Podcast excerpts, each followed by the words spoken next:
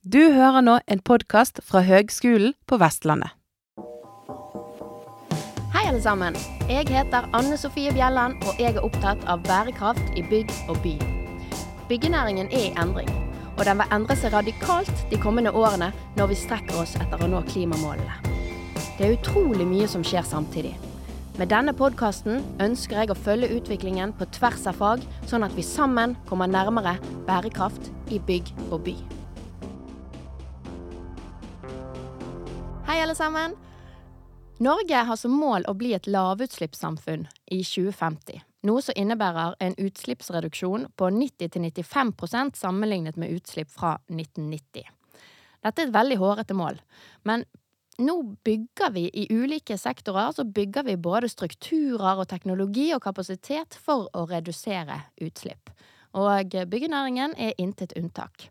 Eh, vi har allerede utfaset fossile brensel i energimiksen til bygg i driftstid. Her ble det et forbud i 2020. Og det at vi har på en måte avkarbonisert bygningsmassen vår i drift, setter oss i en særstilling i Europa som jobber med å oppnå dette her. Det neste for oss er å avkarbonisere byggeplassene våre og gjøre de utslippsfrie. Årlig slippes det ut rundt 340 000 tonn CO2 fra norske byggeplasser. Dette tilsvarer ca. 400 000 bensin- og dieselbiler i løpet av et år. I det regnestykket, dette kommer fra Miljødirektoratet, i det regnestykket så er det kun direkte utslipp fra anleggsmaskiner og byggvarme på byggeplassen som er medregnet, så transport til og fra Eh, byggeplass, i tillegg til eh, utslipp fra materialbruk. Det er ikke medregnet der. Men hva er status for denne utviklingen? Jeg måtte snakke med noen som er ute og prøver å få dette til. Og denne gangen så fikk jeg samlet flere parter, nemlig bestiller, representert ved Ingunn Gjermundnes, som er prosjektsjef i GC Riber Eiendom, Gunnar Herborg, som er prosjektdirektør i GC Riber Eiendom, og så har vi leverandør av på en måte infrastrukturen for å få dette til. Eh, representert ved Marit Mæland, forretningsbygger og markedsansvarlig i Eveny Mobil Energi. Og så, selvfølgelig, totalentreprenøren Jan Even Longva, prosjektsjef i Skanska Norge. Mm. Nei, men den er god. Der tror jeg vi bare gir gass, altså. Så først må vi bare si tusen takk for at dere eh, kommer til høyskolen og, og vil prate med meg. Det er utrolig kjekt. Mm. Og jeg tenkte jo at jeg måtte ha en litt sånn podkast med mange stemmer denne gangen her, rett og slett fordi at det med utslippsfrie byggeplasser, det krever eh, bidrag og kunnskap fra mange aktører. Så derfor så vil jeg liksom kartlegge hele greien, da. Men vi må, vi må begynne med en runde rundt bordet. Så eh, Jan Even, vil du fortelle om deg? Ja, Bakgrunn og rolle der du er i dag? Ja. Eh, mitt navn er Jan Even Longva. Eh, prosjektsjef i Skanska Bergen. Eh, og eh, prosjektsjef på Garnes ungdomsskole. Eh, jobber i Skanska i 21 år, hvis jeg tar med alle årene. Opprinnelig tømrer. Eh, så jeg har gått hele, hele linjen i Skanska. gått her på høyskolen, eller ikke her, på den gamle nede i Lars Hildes gate. Fra 2007 til 2010. Så eh, ja. Mm. Litt overlapp med meg, altså. Ja, du ja. gikk vel året før meg. Ja. Syns du å huske. Ja. Takk ja. for sist, da. Ja. Veldig bra. Eh, og du? Marit? Ja, eh, Marit Mæland heter jeg. Jeg eh, jobber med salg og marked i eh, Eveny Mobil Energi. Så vi eh, jobber med å få på plass infrastrukturen som skal til for å få til utslippsfrie bygg- og anleggsplasser. Eh, jeg òg har gått på høyskolen eh, litt mer nylig, sånn ved siden av jobb. Eh, så faktisk på dette bygget her som vi sitter nå. Så det var litt gøy å komme inn igjen. Mm. Ja. Mm. ja. Gunnar Hermorg heter jeg. prosjektdirektør i Gesriber Eiendom. Vært der i ni år. Og har egentlig, eller er sivilingeniør fra Trondheim. Etter det jobbet jeg noen år som uh, rådgiver innenfor VVS, og så hadde jeg noen år i, uh, i um, ja, BKK, som nå er Eveny. Uh, ja. ja. Mitt navn er Gunn Gjermenes. Jeg er prosjektsjef i Gesseri Bereindom. Um, jeg har vært der i fire og et halvt år, nå blir det nå. Og så har jeg da bakgrunn før det som ti-elleve år som entreprenør og ti-elleve år som rådgiver. Og um, er da utdanna sivilingeniør fra Høgskolen i Narvik. Ah, kult. Ja, den har jeg hørt mye om. Veldig bra. Men da er det jo en utrolig kunnskapsrik gjeng eh, vi har med å gjøre her i dag, da. Ikke verst, ikke verst. Jeg tenkte Før vi begynner å snakke om det, så må vi på en måte definere disse begrepene. For du har på en måte tradisjonell byggeplass. og Kan vi kan bare si liksom, hva, er det, hva er det man vanligvis eh, bruker på byggeplass, og hvordan fungerer en vanlig byggeplass? Og så eh, har vi fossilfri, og så har vi utslippsfri, som på en måte er målet, da.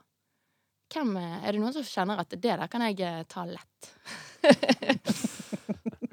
jeg ser på deg, Jan Even. ja, jeg, jeg, så det. Jeg så det. Eh, altså, tradisjonell byggeplass, det er jo eh, Ja, hva er det? Eh, det? det? er jo da Altså, da bygger vi eh, med, med, de maskinene som vi har, og har hatt i 10-15-20 år, med diesel eller bensin.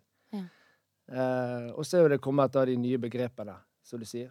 Um, nå senest da med utslippsfri, mm. som da er eh, Da skal ikke vi bruke eh, altså energikilder som slipper ut eh, CO2-ekvivalent. Eh, så da må vi over på elektrisitet eh, gjennom eh, nett, strømnettet eller på batteri. og så har du òg hydrogen eller fjernvarme, som vi bruker i, i byggeprosess mm. på byggeplassen nå. Så det er liksom den Det er det vi jobber litt mot nå, eh, mot, med takk på utslippsfri. Og så har vi det som er da det segmentet under med, med fossilfri.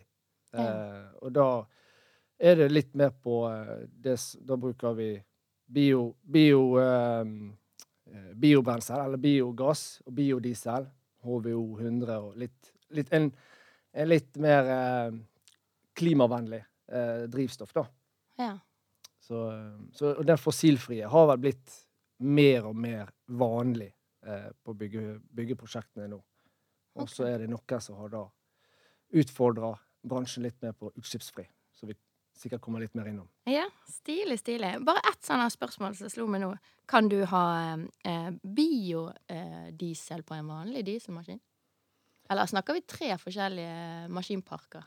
Nei, jeg tror de fleste nye maskiner, i hvert fall, de er vel den her hva det heter den eh, eh, Lastebiler og gravemaskiner har nok eh, de må, de må, bygges opp etter en eurostandard. De må bygges om. Euro 6 ja. eller noe okay. sånt. Og du kan ja. ikke drive og switche mellom drivstoffene. Så enten så bruker du det ene, eller så bruker du det andre. Ok, Så vi har en egen liten maskinpark for en sånn overgangsløsning, altså?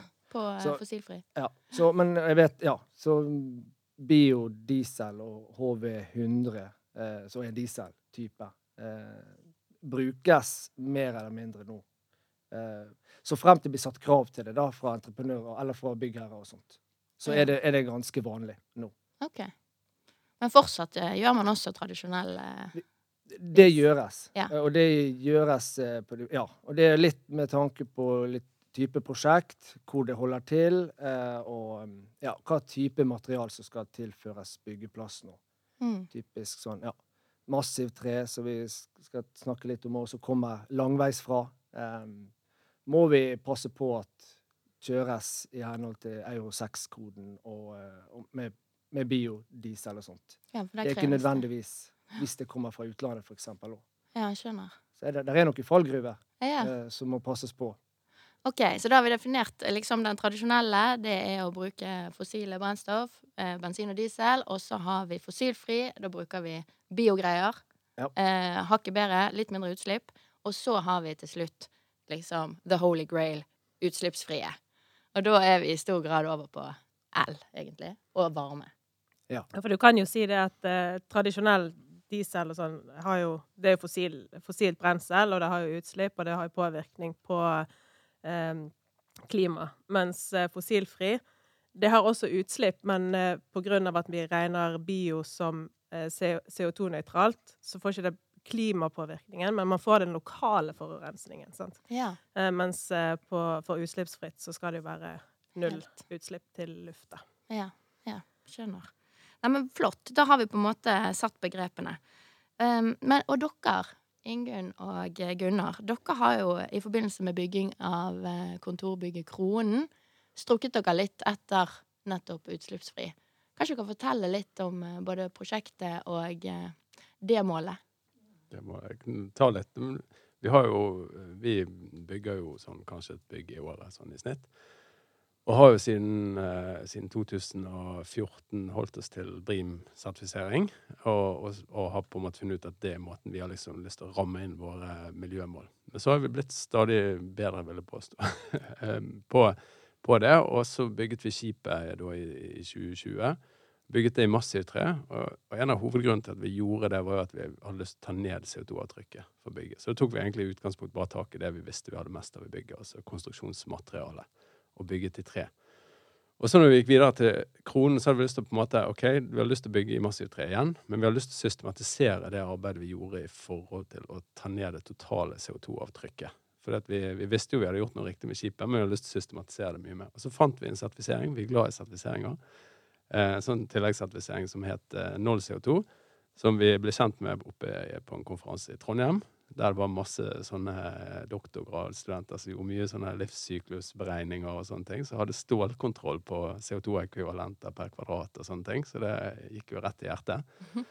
Eh, og så valgte vi at eh, vi skulle prøve å se om vi kunne bruke den sertifiseringen. Så det var liksom hovedinnrammingen for at vi skulle få ned CO2-avtrykket. Og der har vi jo har vi lært mye, eh, blant annet liksom byggeplassen sin plass i det CO2-regnskapet sånn 20 eller et eller annet sånt av det totale CO2-avtrykket kommer fra byggeplass. Så da måtte vi jobbe der også for å ned. Og det fikk jo Ingunn Tredd det som en god ramme på sitt prosjekt for å, for å trykke ned CO2-avtrykket på hele bygget. Og da måtte hun ta tak i byggeplassen òg. Ja, og vi begynte jo å planlegge dette i 2021. Og da måtte vi jo kartlegge maskinparken. Mm. Og det er klart at uh, på den tiden var det litt begrensa hva slags maskinpark som var tilgjengelig uh, som kunne gå på fossil på utslippsfri. Så, så, etter mye vurdering av hva slags materialer og størrelser og maskiner vi trengte, og sånn her, så endte det faktisk opp med at vi da gikk for en fossilfri krav. Så vi stilte krav til entreprenørene, um, to av entreprenørene, at de skulle da ha fossilfri. Og så har vi oppfordret alle til å ha utslippsfri. Sånn at um, vi har på en måte gitt muligheten vi så at vi hadde ikke mulighet i forhold til det vi skulle bygge, og hvordan vi skulle bygge. I forhold til å ha helt utslippsfri. Så da ble det fossilfri. Ja. ja. Men når dere på en måte etterlyste det, fikk dere god respons i bransjen? Var det mange som sto klar? Eller? Eh, når du tenkte på når vi eh, hadde ute entreprenør Vi stilte jo eh, eh, til tre entreprenører. Ja. Eh, og det er jo sånn vi vanligvis pleier å gjøre. Så mm. Even her var jo en av de som da ga tilbud til oss. Ja. Eh, men vi har eh, Vi hadde jo en runde før dette hvor vi kartla, og da var vi liksom innom flere for å høre hva slags maskinpark finnes det i Bergen. Hva mm. kommer det de neste årene? Hvilke mm. muligheter har vi for å At vi skal låse dette vårt prosjekt. For det er også det at um, du måtte da inngå noen avtaler med uh, de som har maskinene, for å være sikker på at du hadde den maskinen til du skulle begynne å bygge. Ja, ja, ja. Så alle de tingene lå jo i den pakken med vurderinger. Um, og da så vi at uh, hvis vi skulle bunne dette, så måtte vi jo nesten ha kjøpt maskinen sjøl. Og det var en utfordring. Ja. Ja. Vi skal jo ikke sitte med en maskinpark. vi har jo en byggeier. Den ser jeg.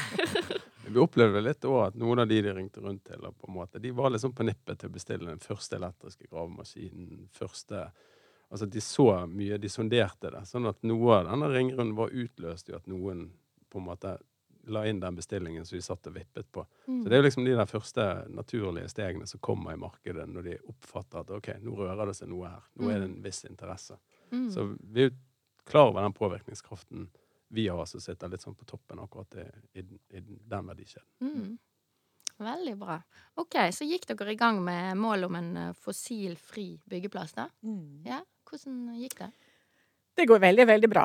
Um, vi pga. denne sertifiseringen som Gunnar snakket om, så, så um, må vi jo rapportere på uh, alle biler og, og alle maskiner som kommer inn på bygget, hva de bruker for noe. Vi, vi ser at vi, vi, klarer å levere fossilfri byggeplass.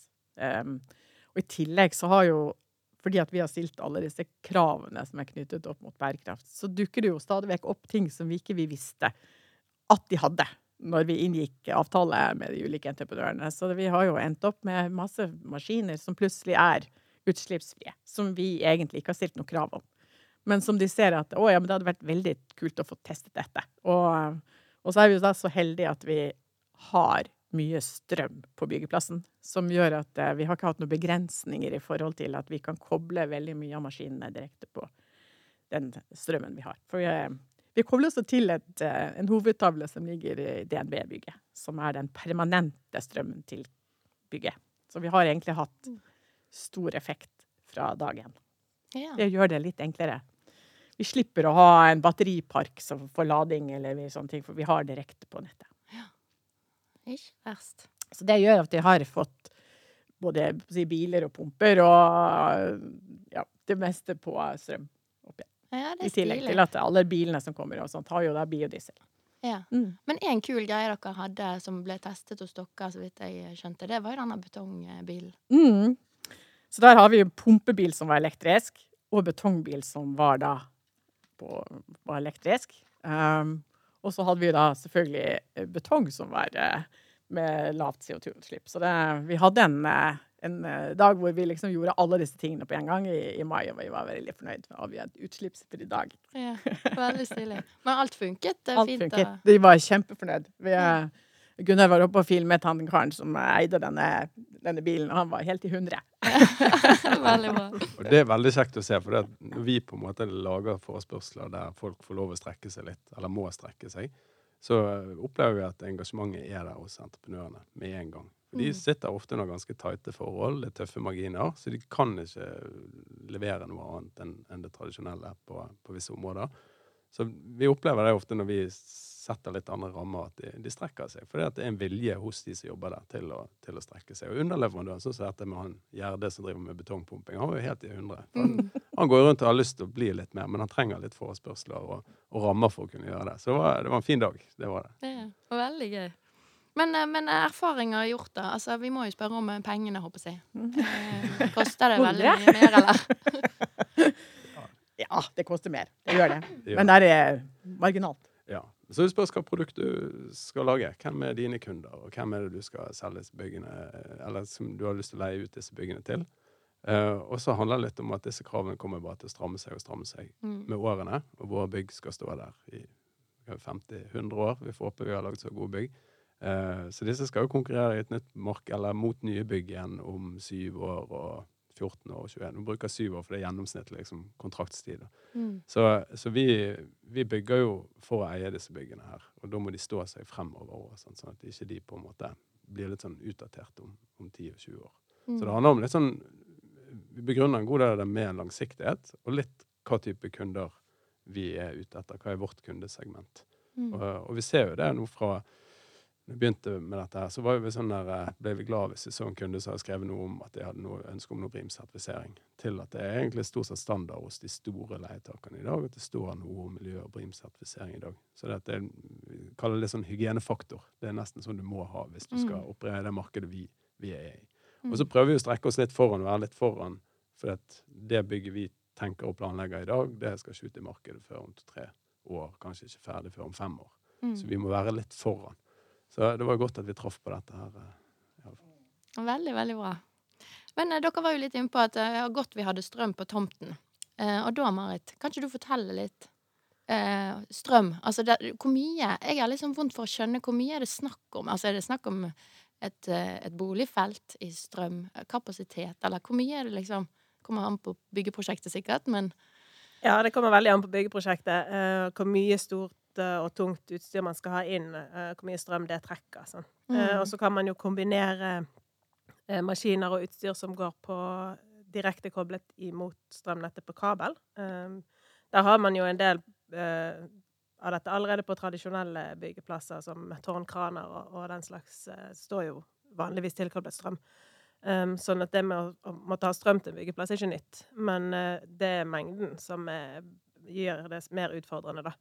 Og det vi ser da, er jo at på større, større byggeplasser, der man skal ha inn mye tungt utstyr på strøm, så er gjerne behovet større i anleggsfasen enn det det faktisk er Eh, i driftsfasen på bygget. Og byggene blir jo bygget mer og mer eh, energieffektive, så gjør det at forbruket i driftsfasen blir lavere. Så selv om man har all den strømmen som man trenger i driftsfasen, så er det ikke sikkert at det er nok eh, i anleggsfasen. Så det er jo det første å se på, er jo hvilke Hva har man tilgjengelig? Kan man hente strøm fra andre steder enn bare akkurat det som ligger til tomten i dag? Og så er det å se på andre tiltak som uh, samtidighet på utstyret. Fordi at én en ting er jo hvor mye strøm man trenger i løpet av dagen, det må man se på, men også hvor mye samtidighet er det, hvor mye effekt mm. har man behov for. Eksempel i lunsjen, hvis du har fem store, tunge gravemaskiner som skal lade samtidig på 150-200 250 kilowatt, så bygger det seg veldig fort opp. Uh, og da er det jo effekten som er veldig ålreit å kunne regulere med batterier. Uh, for da kan man lade batteriene på lavere effekt imot nettet over tid, og så har man høy effekt som man kan levere ut i de periodene som man har behov for det. Både til lading, men også til, til utstyr som har varierende effektpådrag. Eksempel byggekraner som gjerne har noen høye høye piker idet de starter opp, så kan man sette inn batteri som på en måte kutter av disse toppene, da, så man ikke får uh, strømbruddet inn imot uh, hovedtavlene. Mm. Så OK, man analyserer på en måte behovet, avhengig av hva som skal skje der, opp imot kanskje en fremdriftsplan, og så bygger man et lite uh, nett, rett og slett, eller et lite kraftsystem på plassen, da. Der ja. man eventuelt har en batteribank som man kan kompensere for direkte uttak. ja, for det blir, jo, det blir jo satt opp eh, byggstrøm på alle byggeplasser. Eh, men så er det jo dette her med hva, hvor mye har vi behov for på de ulike områdene på byggeplassen, og hvor, hvor ser vi at det kan være utfordrende med effekter spesielt. Um, har du, hvis du gjør beregninger og ser det at du får altfor lite strøm totalt sett, så blir det en helt annen utfordring. Fordi at uh, et, et, batteri leverer jo ikke mer enn det det lader. Um, sånn at uh, det er jo det fins jo alternativer der man OK, vi kan, vi kan, tilføre, vi kan kjøre batteriet til et annet sted å lade, men da får du en helt annen logistikk mm. med, med batteriene, og, og man, hvis man skal kjøre disse frem og tilbake utslippsfritt, eh, så får man jo òg eh, utfordring med Per i dag så Jeg så en eh, artikkel her i går om at den første elektriske kranbilen, altså helelektrisk kranbilen, var kommet i Norge. Så, så det, dette, det, er helt nye ting. Uh, så det er ikke sånn at vi, ja, vi kjører det bare elektrisk. Det er ikke så enkelt. Um, og så i tillegg så har man um, dette med um, ADR-transport for batterier. Sånn at hvis et batteri skal uh, fraktes på vei, så må det håndteres som farlig gods på, samme, på lik linje som diesel, for eksempel, eller, uh, eller gass. Mm. Um, så det betyr at man må uh, ha eh, biler og sjåfører som er sertifisert for dette, og det skal også lages uh, fraktbrev på hver eneste transport som skal gjøres på offentlig vei. Sånn at det, det er litt mer logistikk rundt det enn bare plukke det opp og ta det med deg og kjøre tilbake igjen. Mm. Skjønner. Mm. Men deres rolle, det er jo da å hva, Kan du si litt om hva, hva, deres, hva deres rolle er i en sånn? Ja.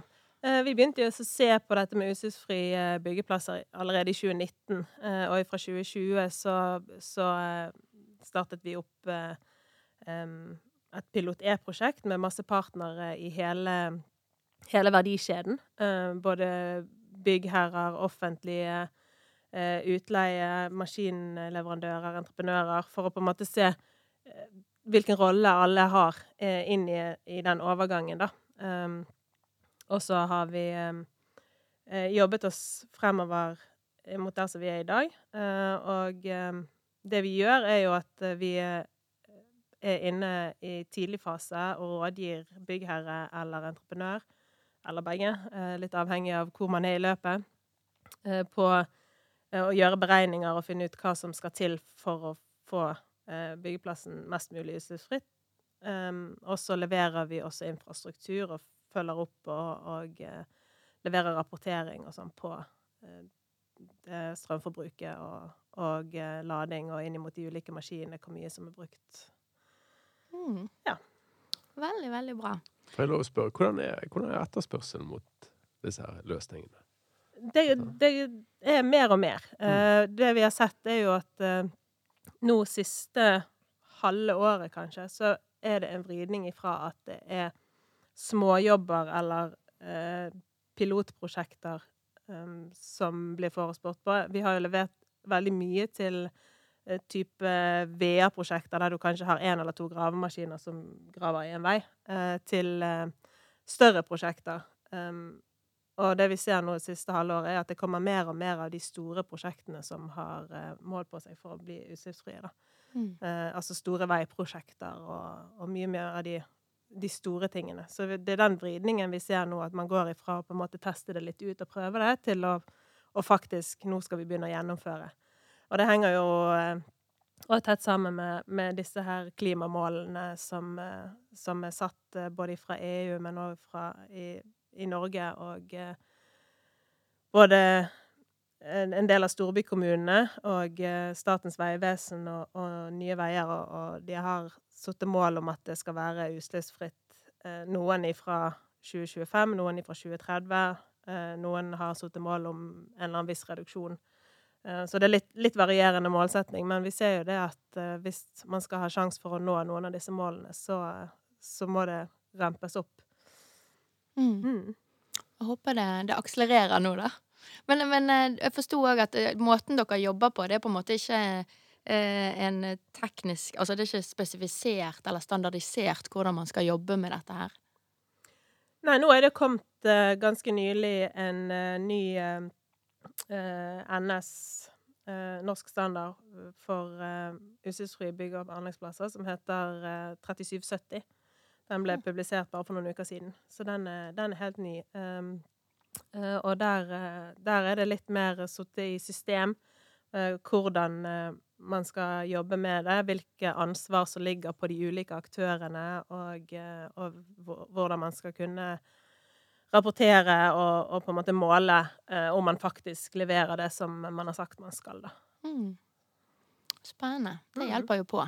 At man får Ja, sånn for det har vært, eh, det, det har vært veldig ulik praksis i eh, både i de ulike kommunene, men også i de ulike etatene innad i kommunene. Eh, fordi at det er nytt. Man vet ikke helt hva man skal spørre etter. Man vet ikke helt hvordan skal vi måle dette. Vi er vant til å måle eh, driftstimer på maskinen, men eh, hvordan blir det opp imot faktisk energiforbruk? Så, så det er jo anbefalingen i den nye standarden er jo eh, å måle energiforbruk kontra å måle driftstimer, da. Mm. Bare ett spørsmål til. Eh, De som spør om sånne greier, er det flest offentlige, eller er det flest private? Det er jo de offentlige som, eh, som drar. Okay. Eh, og så kommer det litt private som er inne, men det er jo hovedsakelig de store bykommunene som, eh, som har gått foran. Og eh, det er vel åtte av de største bykommunene som eh, har skrevet under på en sånn eh, storby, storbyavtale på at eh, alle egne prosjekter innad i kommunen fra 2025 skal være utslippsfrie. Ja. Eh, og fra 2030 at alle prosjekter, også private innenfor kommunen, skal være utslippsfrie. Sånn at kommunene pusher jo det mot entreprenørene, men også imot private byggherrer, av at det er den målsettingen som ligger på 2030. Da. Mm. Men de får litt mer slekk. Sitter vi jo her med noen pionerer, Gunnar Inge. Ja, ja. Det er gøy. Um, men så er det entreprenørleddet. De må jo på en måte forholde seg til dette her, Jan Even. Og, og dere uh, gymmer dere, hvis jeg forsto det rett, så gymmer dere litt på Garnes ungdomsskole fordi dere skal levere det på en måte skikkelig på et annet prosjekt. Var det riktig? Ja. ehm, det kom jo ut eh, Det er Bergen kommune. eh, og det kom De ønska de I 2020 så gikk Bergen kommune ut og sa at uh, Midtbygda behandlingssenter skulle de levere som utslippsfri. Eh, og det var når vi start, når Skanska starta byggingen av Åsaheimen eh, som fossilfri. Så allerede der fikk entreprenørene i, i markedet et tydelig signal fra en byggherre at eh, her, her kommer det til å bli eh, utslippsfri byggeplass. Eh, Dette er noen år siden. Eller? Ja, det var i 2020. Ja. Sant? Og, og men før Midtbygda kom ut, så ønska da Bergen kommune å eh, prøve dette her litt ut. Eh, så derfor la de til rette for eh, Garnes ungdomsskole som et pilotprosjekt, der de eh, la opp til entreprenørene å beskrive gjennomføringen av utslippsfri byggeplass. De satte ikke noe krav om maks eh, prosent eh, av det eller det. De, de, de la det til eh, leverandører og entreprenørene til å beskrive. Eh, og det er jo en form vi liker veldig godt. Eh, vi knytter til oss en entreprenør da, som har vært fremoverlent og kjøpt inn eh, en del utslippsfri maskiner. Så og, Ja. Så heldigvis vant vi jobben og er godt i gang og har erfart mye. Eh, men litt tilbake til Gunnar og Ingunn også nevnte. De, de også var jo tydelig ute og, og, satt noen miljøkrav eh, i, i, eh, i sin forespørsel på Kronen. Vi fikk være med der. Vi prøvde å pushe litt ekstra på der også. Uheldigvis så nådde ikke vi helt opp den gangen. Men det er med å bidra til at eh, entreprenørene og leverandørene eh, blir bedre, eh, vokser på det, får mer erfaring, og gjør at flere kjøper maskiner. Mm. Eh, Det gjør at vi, vi kommer til å At det blir flere. Så, det, selv om, det hjelper ikke at bare Skanska driver utslippsfri byggeplass. At, eh, nå er vi heldige som har Garnes og Midtbygda behandlingssenter. Men vi, vi er faktisk avhengig av at de andre entreprenørene også tilegner seg erfaringene, og, og, og flere underleverandører også ser at dette her blir bare mer og mer av, og at de, de kjøper inn maskiner.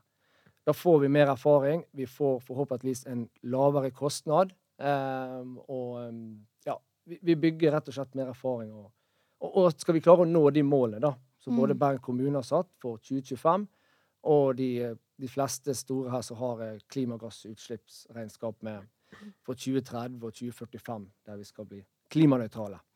Mm. Så eh, det er, en, det er en vei å gå, og da er vi avhengig, avhengig av at alle, eh, alle får den erfaringen, og alle bidrar.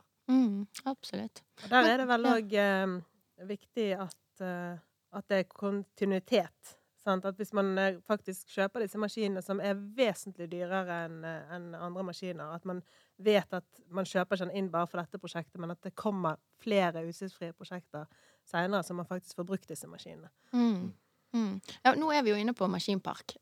Kan ikke vi ta litt om, om status på maskinparken? Hvordan dere ser at den utvikler seg? Og så ett spørsmål til på det. Og det er jo, det er jo en helt vanvittig svær maskinpark som fins allerede. Kan den konverteres, eller lager vi nye eh, til dette formålet, liksom? Det er vel begge deler.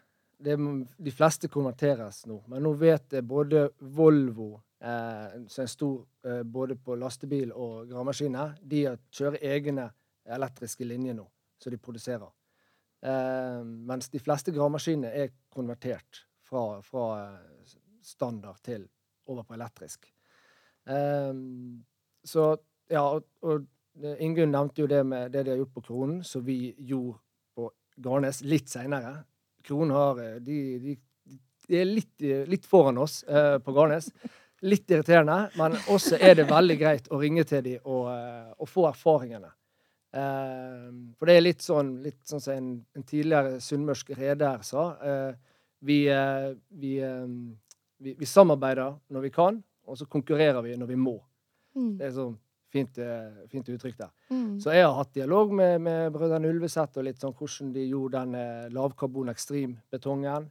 Hvordan fungerte med elektriske pumpen. Hva tiltak vi måtte gjøre, og hva, hva vi må være litt obs på. Eh, så så vi, vi, de, vi deler mye eh, erfaringer eh, Mm. på tvers av entreprenører eh, og, og byggherrer og sånt også. For å drive innovasjon og drive kompetansen oppover fremover. Det er bra. Um, så ja.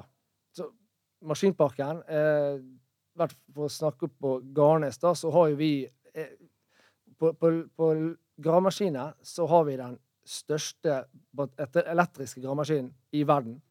Eh, det er en Dosan eh, 32-tonner. Eh, og så har Volvo kommet nå med en 23-tonner. Og så har eh, Katt eh, De har en 25-tonner. Og så har de litt, eh, litt nedover i segmentet på 12 og 8-10 tonner og sånt. Så er det flere som har. Men de aller største på, på batteri de, de er rundt litt over, to, litt over 30 tonn. Og så har vi de som er på hybrid, da, med, med kabel. Der har jo både Statens vegvesen og noen anleggsprosjekt Vi har vel eh, Skanske anlegg og har vel noen oppe i 50-tonsklassen.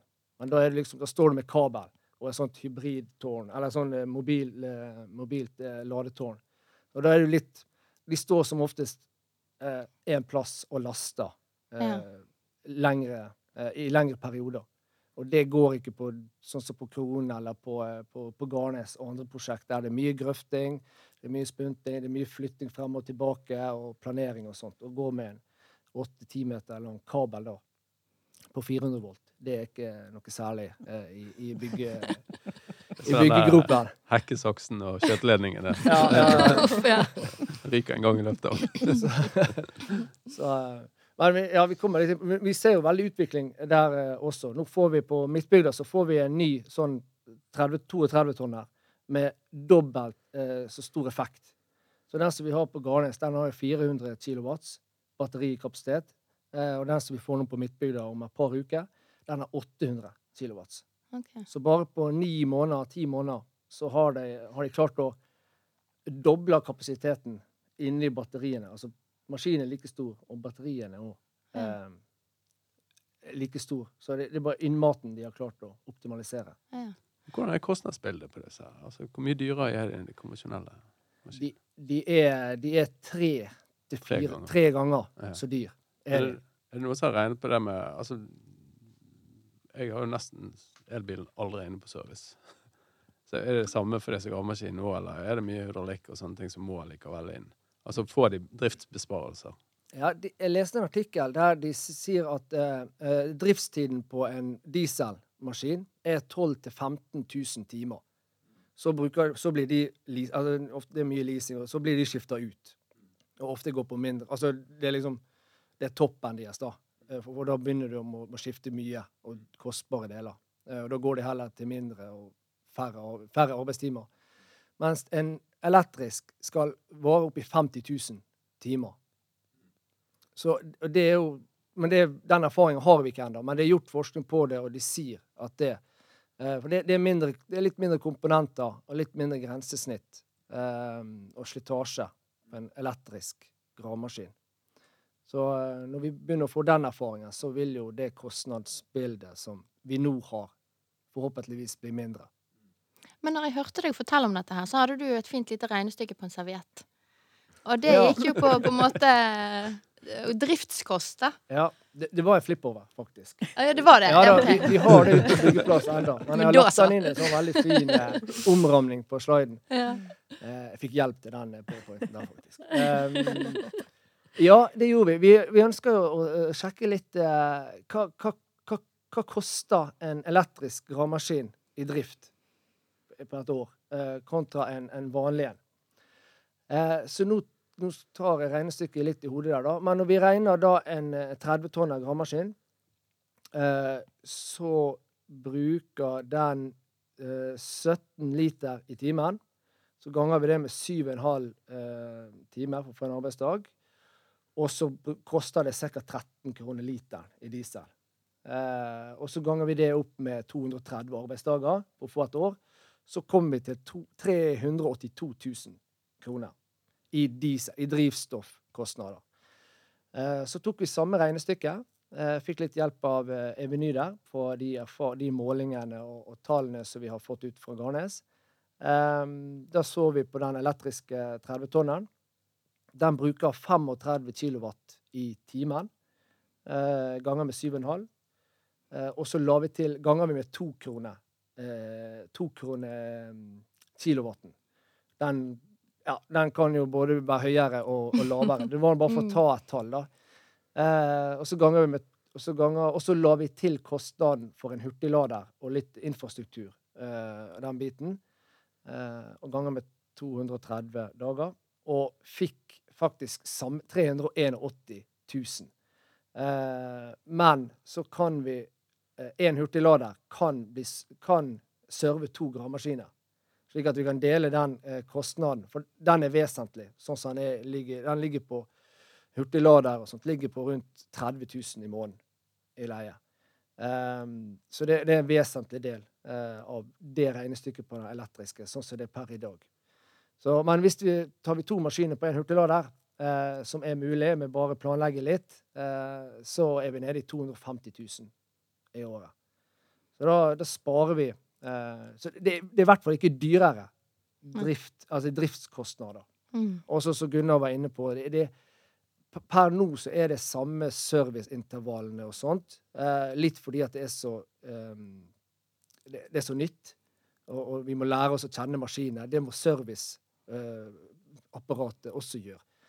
for det er samme folkene som driver og skrur og, og, og tar service på de vanlige dieselmaskinene, som òg må ta de så det, de er en læreprosess eh, hos de også. Mm. Så, um, Men får dere litt sånn rekkeviddeangst, sånn som man gjør i elbil, eller? Eh, vi, vi, gjorde det litt eh, Og vi begynte jo på, på verst Altså, vi begynte å rive gamle Garnes i slutten av november i fjor. Eh, og da var de fleste maskinene bare kjørt i måned to, maks tre måneder.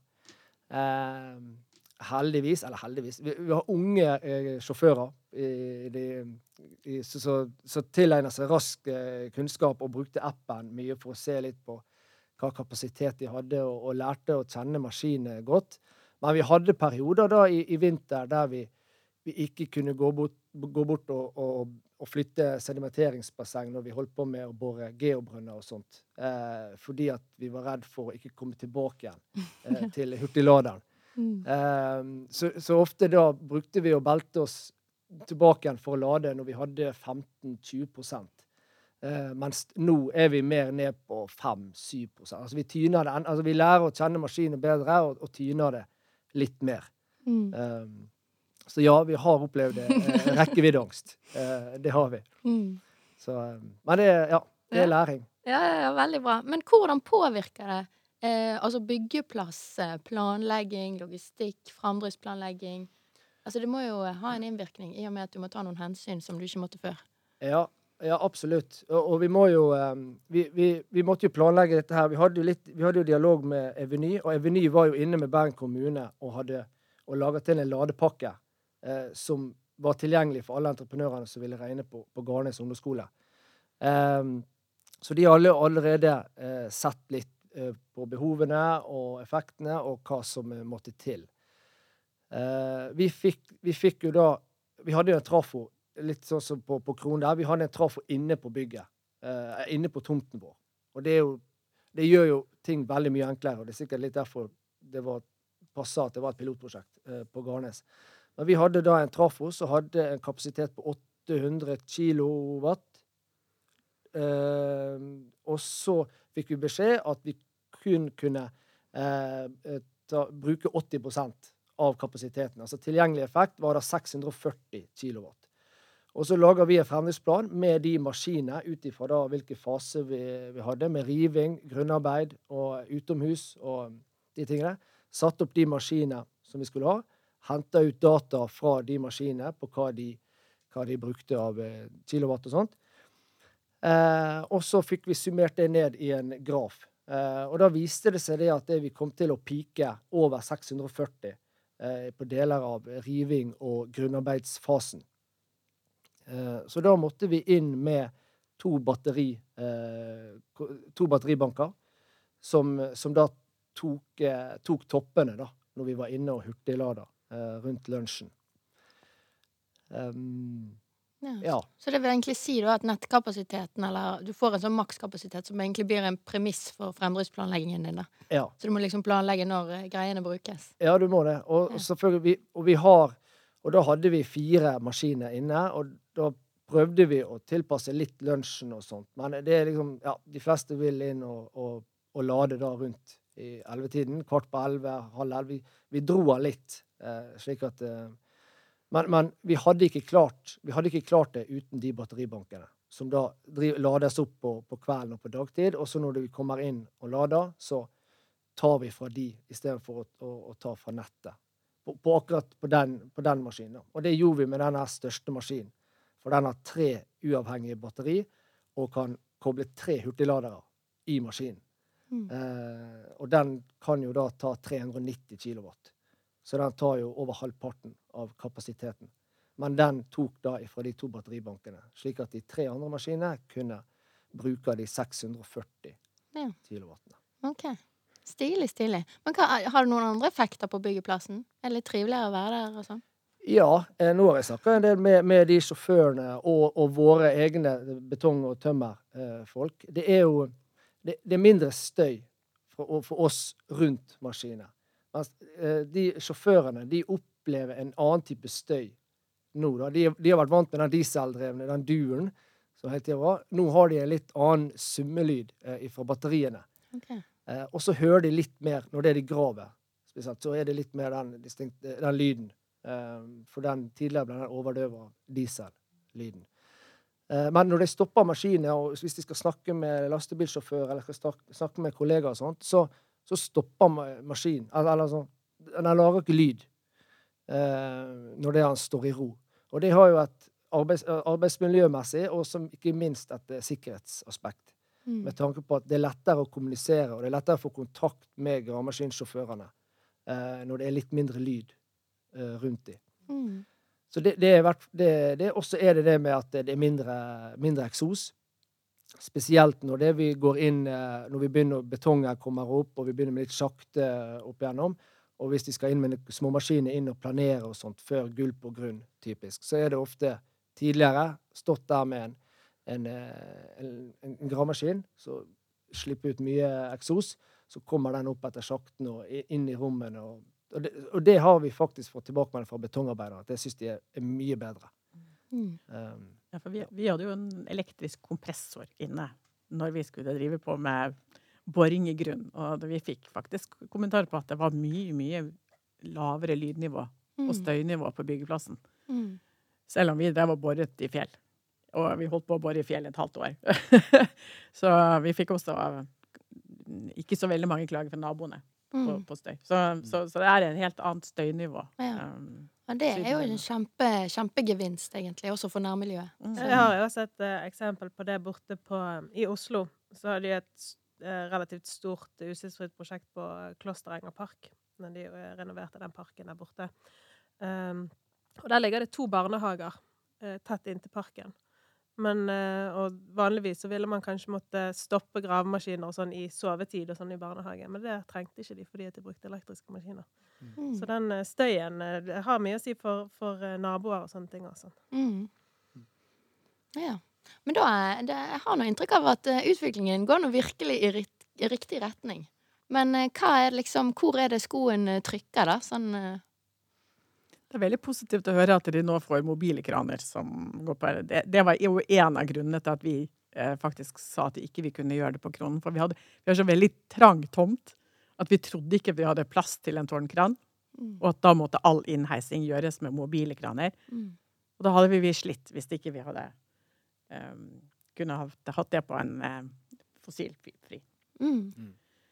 løsning. For dette, den den ville jo da eh, Og da når den første bilen er klar nå, så er det jo klart at eh, vi, vi, vi har heist mye, vi, fram til nå.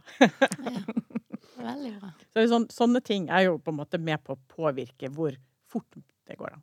Ja, klart. Så tenker jeg jo også at eh, det er jo veldig lett å tenke at uh, enten så kjører vi det ene, eller så kjører vi det andre. Men det, det er jo dette her med, med en sånn glidende overgang også, sant. Så hvis man kan kjøre utslippsfritt det som er greit og enkelt å kjøre utslippsfritt, og så de tingene som blir veldig vanskelige, uh, de kan man kjøre på fossilfritt, Uh, så vil jo det Totaliteten vil jo gå ned um, utslippsmessig likevel. Så det, det er veldig lett å tenke null eller 100, men eh, det går an å, å ta noe. Mm. Ja, det er absolutt. Og det, um, det, det med å utfordre entreprenørene også, sant? sånn som dere gjorde på, på G-Strive. Selv om det var en litt, uh, litt uh, krevende tid med, med korona og prisvekst og, og de tingene, men at det dere følte dere fikk tilbakemelding fra entreprenørmarkedet, da, at dette her var noe de omfavna og ville være med på. Uh, så, og, vi trenger jo flere av de. Sant? Nå har vi Bergen kommune, som er veldig tydelig, og har vært, har vært, vært veldig tidlig, veldig tydelig eh, med de kravene eh, som de skal ha. Og så er de forutsigbare. Det er også et veldig viktig ord for eh, entreprenørbransjen, likt som byggherre, selvfølgelig. Um, men at det, vi, vi, får de byggherrene som, som, som holder eh, Har dialog da, med entreprenørene og, og eh, utfordrer oss. Eh, og så er ikke det sikkert det blir 100 men at det vi i hvert fall sammen da, kan finne det mest optimale og det mm. beste for dette prosjektet her. Så det er ja, dialog eh, og være tidlig ute, tydelig, og så at det er forutsigbart. Da tror jeg For entreprenørene, vi, vi, er i hvert fall klare. Jeg tror jeg snakker for alle entreprenører at vi liker fremoverlente og, eh, og, og de byggherrene som, som, vil noe på klima og miljø. Eh, også, og det ser dere erfaringen fra Krone også, at det, dere har jo de har jo, dere har gjort utover det som dere opprinnelig har krevd også i, i, i kravene. Sant? Og det, ja, det gjør noe. Så lenge det er et godt prosjekt, og det, det, det alle parter vil, vil, det samme, så er det utrolig hva vi får til. Mm. Så tror jeg, jeg synes det er veldig bra det du sier om at det er ikke sikkert at liksom skal være, alt skal være 100 utslippsfri. Vi hadde kategoriene som du var innom i starten.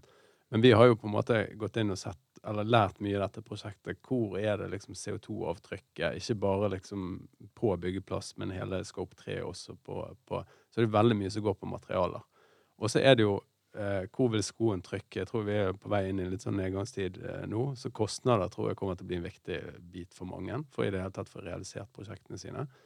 Eh, så det å finne ut hvor er det mest optimalt at du bruker pengene for å få ned CO2-avtrykket, og så at vi lærer de tingene. Og ikke blir sånn beinhard på at det skal være 100% utslippsfri, men sier at f.eks. Eh, gravemaskiner de som har lett tilgang, på en måte, kanskje ta ut de maskinene som piker eh, på effekten, som gjør at du må inn med f.eks. hurtiglader etter litt for mye batterier.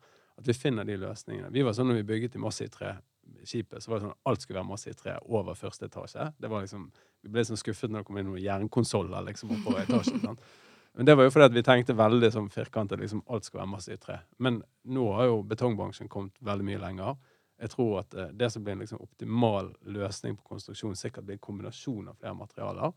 Eh, og vi liksom tar mer eh, inn over oss levetid etter hvert på, en måte på dette. Og på samme måte tror jeg egentlig på, på, på byggeplass. I våre beregninger så er sånn de tallene vi har liksom lært oss litt, så er kanskje 20% av det totale eh, avtrykket til bygget er fra byggeplass. Det har veldig mye å si hvordan du regner energi og transport, persontransport etterpå. Mm. Vi har kanskje altså av de altså CO2-ekvivalenter per kvadrat, så er et standardbygg kanskje 450 eh, CO2-ekvivalenter per eh, kilo per kvadrat. Eh, vi har presset oss ned i 230 ca., og ca. 20, 20, av det er altså ca. 10 er fra byggeplassen. Mm. Så, så, det er mye annet å ta tak i også. Så må vi bare, Og så syns jeg kjempespennende det er det at vi deler i bransjen, som du mm. var inne på. Eh, Jan Even.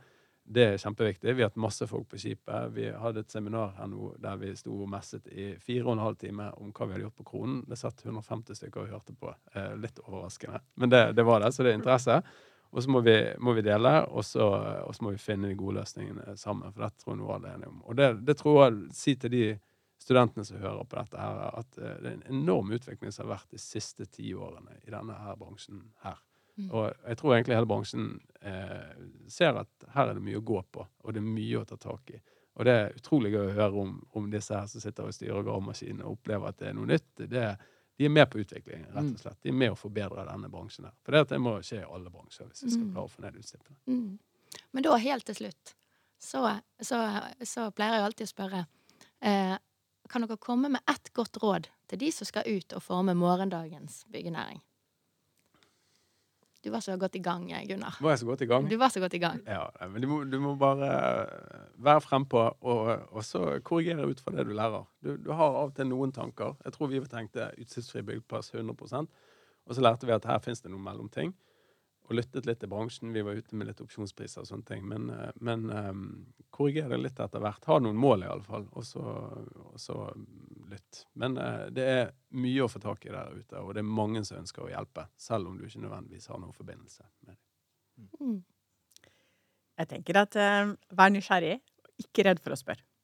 Uh, det er mange som har lyst til å dele med kunnskapen sin, og vil gjerne liksom diskutere med de som kommer ut også nye. De har mange nye, nye gode ideer som vi andre må tilegne oss. Mm. Mm. Veldig bra. Ja. Eh, til, eh, jeg, for min egen del så har jeg jo hatt en vanvittig reise. Jeg har jo vært eh, tømrerlærling først, og vært veldig glad i tømmer og sånt. Nå må jeg være litt forsiktig med hva jeg sier. Og så har jeg, men så har jeg faset meg mer og mer over Jeg liker veldig godt betong. Eh, litt ja, sterke og litt stort og litt sånn eh, At alle jobber ute året rundt. Og, og utrolig mye. Mange flinke eh, entreprenører på betong. Eh, Også ikke minst den reisen nå med, med det som går med karbonfangstanlegg på Brevik og den tingen. Det gleder vi oss til kommer i, i gang, for det vil nok bli vil, vil påvirke veldig positivt eh, i årene fremover.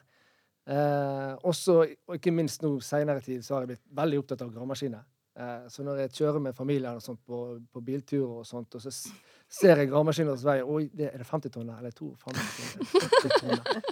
Ja, Ida hun blir bare helt oppgitt av og til. Så jeg går liksom bort og ser på ja, Kjenner litt på skuffene og ja. Det, så det, det, og det, det er så Det vil si til Og til slutt vil jeg si at eh, spesielt de kravene som vi har satt oss nå i hele bransjen med å redusere klimagassutslippene 2030 så er, har Skanska et mål om å redusere 70 eh, Mange har 50 og Innen fem, 2045 så skal vi være klimanøytrale i bygg- og anleggsbransjen. Eh, og vi utgjør jo vel 15-16% av eh, klimagassutslippet i Norge. Så vi er en utrolig viktig og stor aktør. Eh, og da de som kommer ut nå, som har kommet ut og kommer ut eh, de neste årene, de blir ekstremt viktige eh, for at vi skal klare å nå de, de tøffe målene eh, på, innen bærekraft og klima som vi har satt oss. Mm. Så det, de, må, de kan bare glede seg. Det masse De kommer til å få masse gøy fremover. Mm. Veldig bra. Marit? Ja, jeg eh, tenker litt på dette her med at eh, når du, du har tatt en, eh, en utdanning, og du tenker at dette er det sporet som jeg er i, og dette er det jeg kan. Men husk på at det fins sinnssykt mange ulike ting man kan jobbe med som ikke nødvendigvis er akkurat i det sporet som du ser for deg. Og veldig mange jobber som ikke er tett knyttet opp imot en spesifikk utdannelse. Så gjør det at, at man har veldig mange muligheter. Og om man begynner på ett sted, så betyr ikke det at det er der man skal være de neste 40 årene. Um, jeg har sjøl uh, vært uh, veldig uh, fokusert på at eh, prosjektledelse, som jeg har jobbet med tidligere, det, det er det jeg kan. Og, og hvis jeg har lyst til å flytte på meg, så må jeg finne en ny prosjektlederstilling. Um, men så dukker det opp andre muligheter, så tenker man seg litt om, og så ser man at vet du hva, det, det er faktisk andre muligheter. Jeg, jeg, må, jeg, er ikke, jeg er ikke knyttet opp til at jeg er, må være prosjektleder, selv om det er det jeg har vært tidligere. Så, um, så husk på det at uh, selv om man har valgt noe, så er ikke det, er ikke det nødvendigvis gitt akkurat hva man skal jobbe med. Mm. Veldig bra. Tusen takk for praten, folkens. Utrolig gøy å høre at det går fremover. Og det går jo virkelig fremover fra prosjekt til prosjekt. Og man kan se litt av det som jeg sa innledningsvis. Vi bygger opp strukturer og kapasitet til å redusere betydelige eh, utslipp. Så jeg velger å være optimist, folkens. Jeg håper dere òg velger det. Og så er det bare å gi gass, bestill utslippsfri byggeplass. Ha det godt!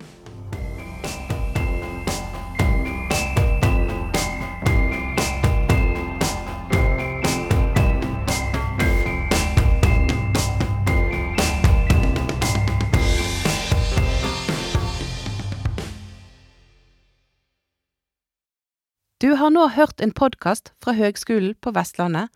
For å høre flere podkaster, besøk hvl.no slash podkast.